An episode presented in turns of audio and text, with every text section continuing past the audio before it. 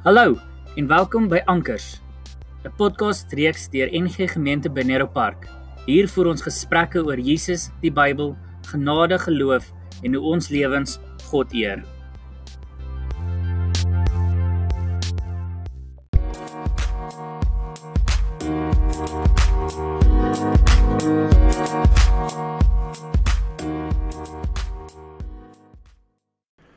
Goeiemôre, Donderdag, die 23ste Julie.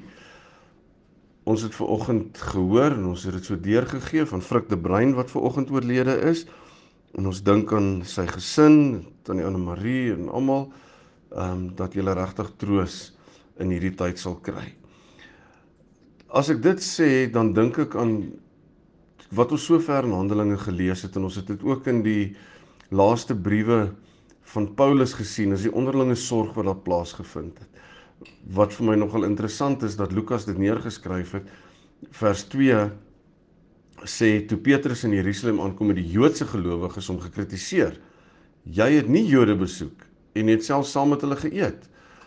En dit was vir my nogal interessant uh dat hy gekritiseer word daaroor omdat hy 'n bevolkingsgroep anders as Jode besoek het en saam met hulle geëet het. So dit kom hulle lang tyd ehm um, ook maar mens.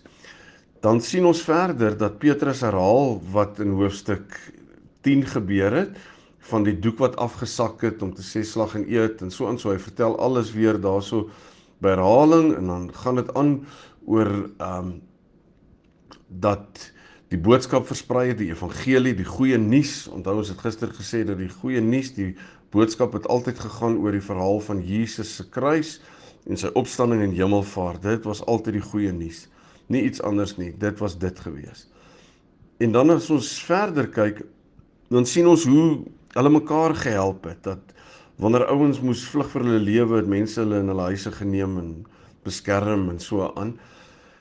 En dan die laaste gedeelte is nog 'n ding wat my opgeval het. Die gelowiges in Antiochië het toe besluit dat elkeen van hulle na sy vermoë sou bydra tot 'n hulpfonds wat vir die medegelowiges in Judea gestuur sou word.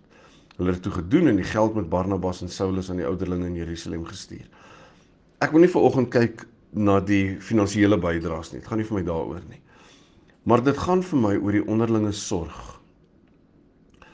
wat in die kerk onder gelowiges gebeur. Maar daar is ook mense wat soos ek is wat al gaan dit dalk met jou sleg of nie so goed nie, dan sê jy nee, dit gaan goed. Ons is moeilik om hulp te aanvaar terwyl daar ander wat is wat gereed is om te help enige tyd.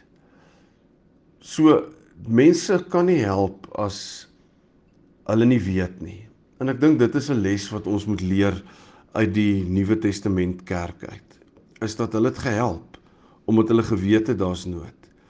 So as iemand nie weet nie, gaan iemand nie kan help nie. En dis 'n belangrike les wat ons moet leer uit die kerk van die Nuwe Testament. Is dat daar's mense wat bereid is om te help. Ons moet net praat. En ons moet onthou dat om te sê ek stoei op die oomblik beteken nie so swakkeling nie. Dit beteken nie jy's iemand wat gaan lê het nie. Dit beteken net op die oomblik kan ek nie alleen regkom nie. Of dit nou finansiëel of emosioneel of wat dit ook al mag wees. Dat ons nooit as gelowiges hulp van mekaar sal weier nie. Ons kan net help as ons weet. Een ding wat ons onder dominees baie keer sê, is ons word baie gekritiseer omdat 'n mens nie weet van almal wat siek is of in die hospitaal of wat ook al is nie, maar niemand sê vir jou nie. So as niemand vir jou sê nie, gaan jy nie weet nie. So dis 'n belangrike ding wat ons moet leer. Die les vir my vir oggend en vir ander mense kan dit ander lesse wees is om te sê moet nooit hulp wegwys nie. Moet nooit sê nee dankie nie terwyl jy weet ek het op die oomblik hulp nodig of dit kos of geld of wat dit ook al mag wees dat 'n mens altyd sal sê ehm um, as jy regtig hulp nodig het. Daar sal oorgenoeg mense wees wat sal reageer en daardie hulp en behoefte wat jy het tegemoet sal kom. Dit het nog altyd so gewerk en dit gaan nog altyd so werk waar gelowiges na mekaar omsien. So kom ons hou aan om dit te doen. Wanneer ons weet en wanneer ons hoor, kom ons help en wanneer dit ons is wat hulp nodig het dat ons sal praat daaroor. En ons manne sukkel daarmee. 'n Hele paar jaar terug met ons woensdagoggend bidure was daar iemand gewees wat ek by iemand anders gehoor het van hulle nood wat gesê het nee elke woensdagoggend dit gaan goed en so aan. En toe het iemand my laat weet om te vra, hoorie, weet jy dat hierdie ouens se elektrisiteit al vir 'n maand lank afgesny is omdat hulle dit nie kan betaal nie. Um ons het toe onder mekaar gereël om dit te betaal en so aan, maar dat hy te trots was om te praat daaroor. En ons as manne moet maar leer om ons trots bietjie te sluk.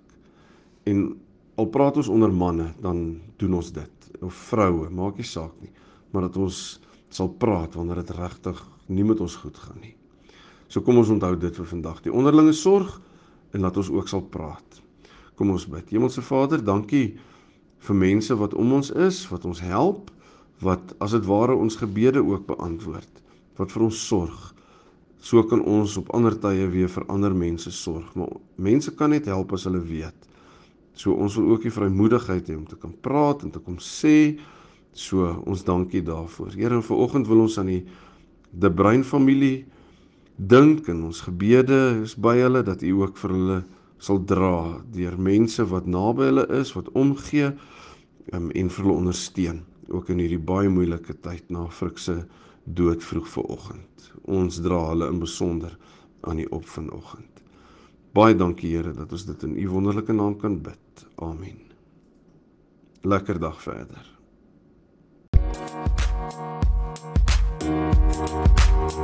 Thank you. Thank you.